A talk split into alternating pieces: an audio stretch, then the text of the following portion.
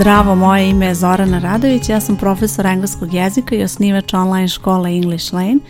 Ovo što slušaš je English Lane podcast i ovo je prva epizoda u nizu epizoda u kojima ću pričati kako da se pripremiš za razgovor za posao na engleskom jeziku – Razgovor za posao je sam po sebi vrlo stresna situacija i još kada taj razgovor treba da obaviš na engleskom jeziku, to je dodatno onako otežavajuća okolnost i vrlo je bitno da se pripremiš za taj razgovor, a to ćeš uraditi tako što ćeš provežbati neke primere za situacije u kojima ćeš se naći, dakle neke fraze koje možeš da upotrebiš i za koje znaš da su tačne i na isti način ćeš e, pripremiti sebe tako što ćeš pogledati pitanja kakva možeš da očekuješ na na tom intervju, pa opet to dovodi tebe u situaciju da pripremiš već neke odgovore Naravno, nećeš moći bukvalno da naučiš na i da ispričaš te odgovor jer je vrlo bitno da učestvuješ u konverzaciji, ali je mnogo lakše kada već imaš neke fraze i kada već znaš neke rečenice koje možeš da upotrebiš u tom trenutku, pogotovo u trenutku kada uh, osjećaš neku nesigurnost, kada treba da, tek, da kreneš da pričaš na engleskom, kada razmišljaš o tome e, da li ćeš pravilno reći neku reč, da li ćeš e, pravilno upotrebiti vrijeme, U tim situacijama je vrlo korisno ako već imaš neke primere i znaš šta otprilike možeš reći u tom trenutku. Čak i ako se ne pripremaš za razgovor za posao, ovakvi primjeri su odlični za vežbu i nešto što ti može pomoći kada upoznaješ nekoga po prvi put ili kada recimo upoznaješ neke poslovne partnere ili tako nešto. Rečenice koje ćeš vidjeti ovdje su svakako vrlo korisna deo konverzacije i nešto što bi trebalo da naučiš bez obzira da li se pripremaš za razgovor za posao ili ne. Pa hajde da počnemo sa predstavljanjem. U ovoj epizodi pričat ću kako da se predstaviš na Engles engleskom i daću ti naravno nekoliko primjera koje možeš da upotrebiš i prilagodiš sebi i svojoj situaciji. Evo nekoliko načina kako možeš da se predstaviš na engleskom. Hi, my name is Ivy Jones.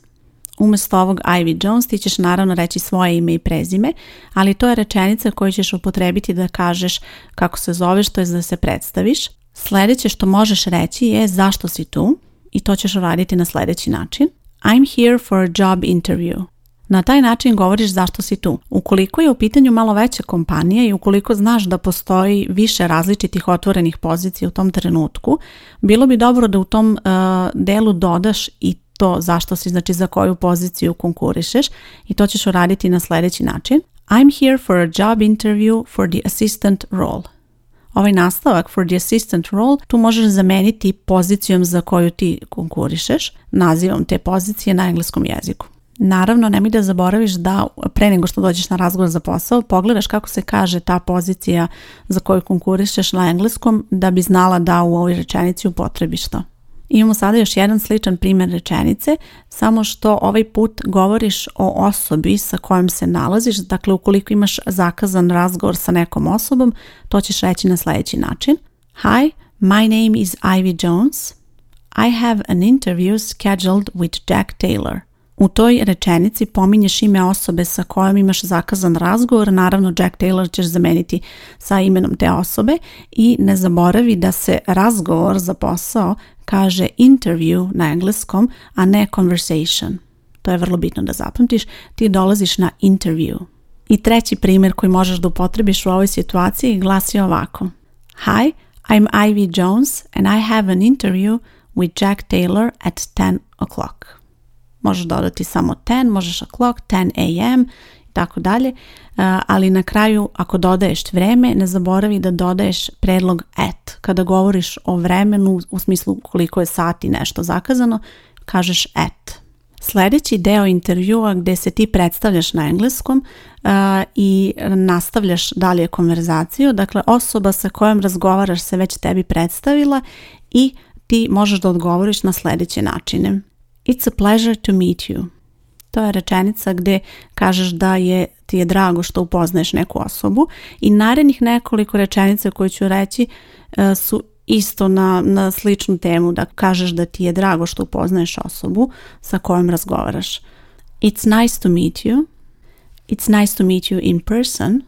To ćeš reći ako si već razgovarala sa osobom preko telefona ili putem e-maila, onda ćeš dodati ovaj nastavak in person, to znači da uživo sada upoznaješ tu osobu. Još dva primjera kako možeš e, reći nešto u toj situaciji. Thank you for seeing me today.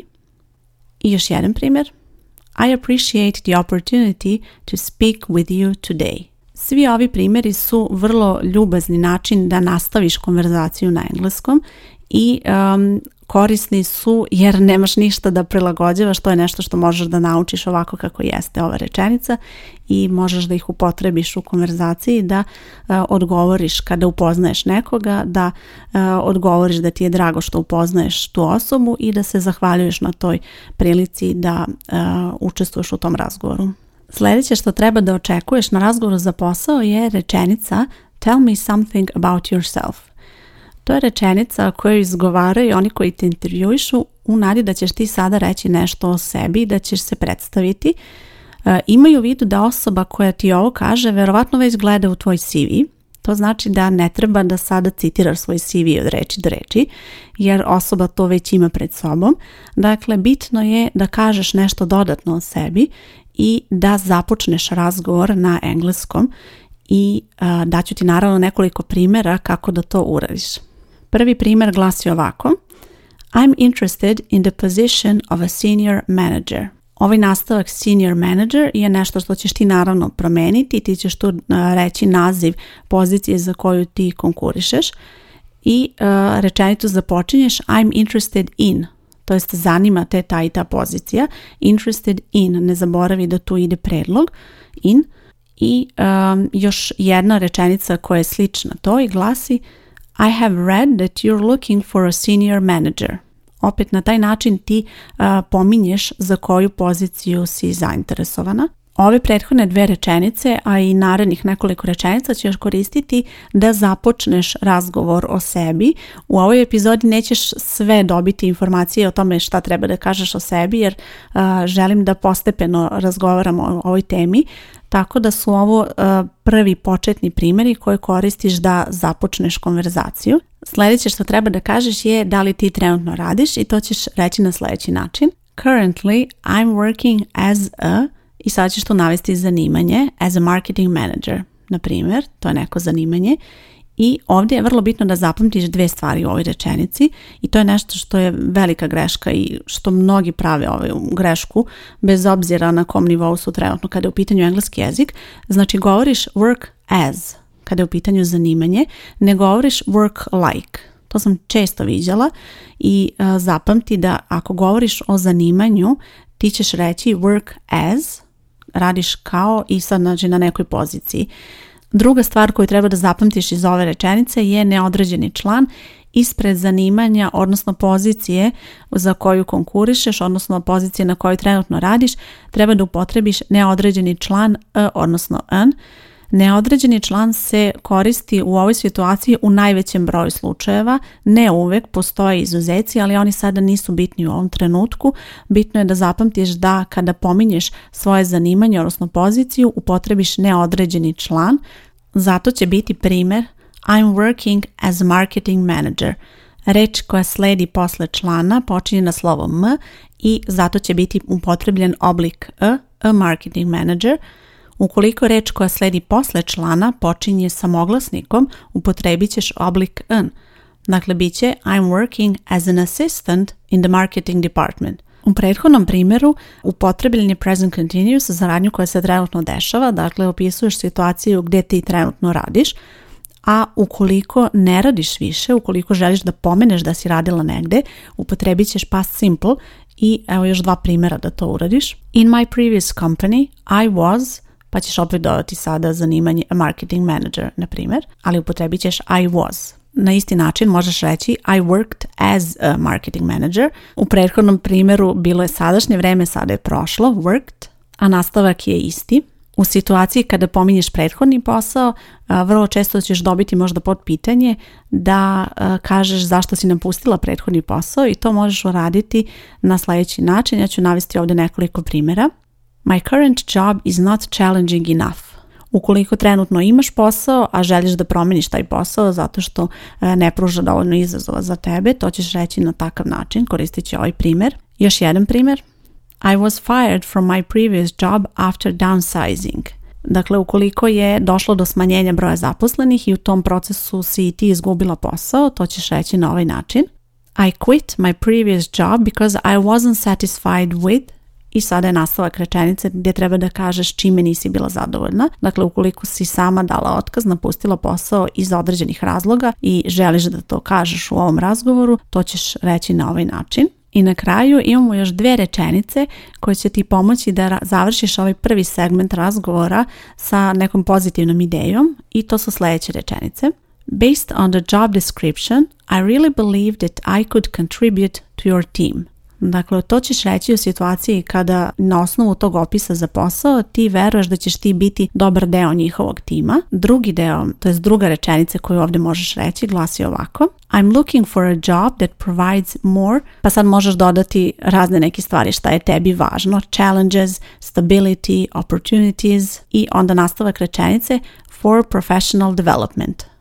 Dakle, cijela rečenica bi glasila I'm looking for a job that provides more opportunities for professional development. Na taj način ti govoriš da želiš bolji posao, da želiš više izazova, više mogućnosti za napredovanje, stabilniji posao i tako dalje i e, na ovaj način završavaš prvi deo razgovora gdje samo predstavljaš sebe, govoriš znači ko si, čime se baviš, a u sljedećem delu ćemo pričati dalje o ostalim delovima razgovora, naravno tu će biti obrazovanje, iskustvo i tako dalje. Imaju u vidu da mnogi koji žele da se pripreme da nauče engleski jezik za poslovne situacije, prvo žele da nauče poslovni engleski, ali to nije neophodno jer vidiš ovi primjeri koje sam ovdje navela su svi vrlo generalni primjeri, ali su primenljivi za situacije u poslovnom okruženju. To znači da kada kreneš da učiš engleski jezik, Poslovni engleski ne mora uvijek biti prvi korak, pogotovo ako nemaš dovoljno predznanja.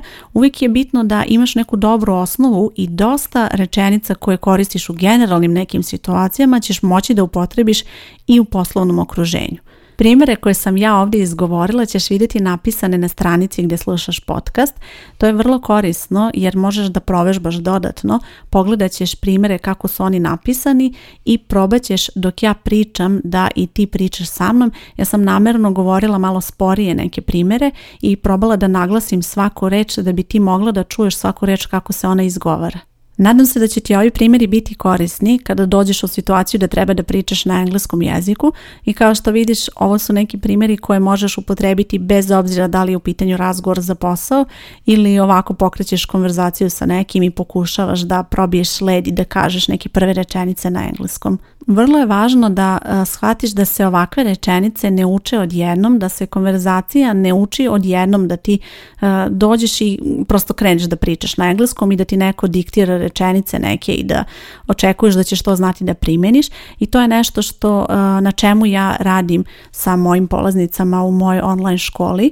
Dakle, vrlo je bitno da nauče primere postepeno e, fraze sa predlozima, sa članovima kada se koriste, sve pojedinačne fraze i onda im je i naravno vremena i onda im je mnogo lakše da to sve upotrebe u rečenicama i onda kada vide ovakve primere potpuno znaju zašto je tu upotrebljen taj glagol, zašto je upotrebljen taj predlog i što je najbolje mogu da prilagode ove primere sebi i svojoj situaciji tako što će promeniti ono što znaju da može da se, i treba da se promeni e, i znaće kada treba koji predlog da ostave, kada treba da upotrebe član, kada ne i to je bitno da zapamtiš da ukoliko želiš da dugoročno učiš engleski jezik i da zaista popraviš svoju konverzaciju, e, moraš da kreneš od nekih osnovnih stvari i da e, razumeš kako se prave ove rečenice i zašto je takav red reči, zašto je upotrebljena ta reč, a ne ova i tako dalje.